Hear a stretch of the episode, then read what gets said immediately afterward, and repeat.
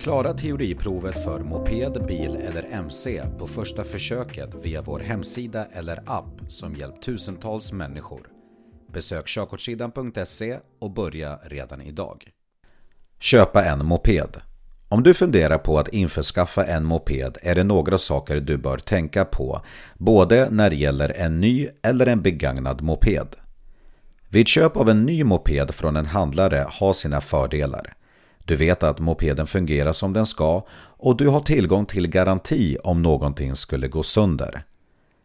Nackdelen är att det är dyrt att köpa och försäkra en ny moped. När du köper en begagnad moped är det viktigt att göra en grundlig inspektion av mopeden. Säkerställ att den är i gott skick eller uppfyller säljarens uppgifter gällande mopedens skick. Är du inte kunnig nog att göra den bedömningen är det klokt att ta med någon som har kunskapen att göra en korrekt bedömning. Testkör alltid mopeden innan du skriver under ägarbytet för att se till att allt är som det ska och att du vet vad du köper.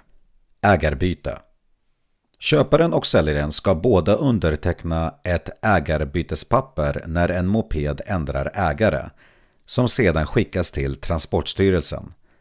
Som alternativ finns även möjligheten att utföra ägarbytet via Transportstyrelsens app Mina fordon.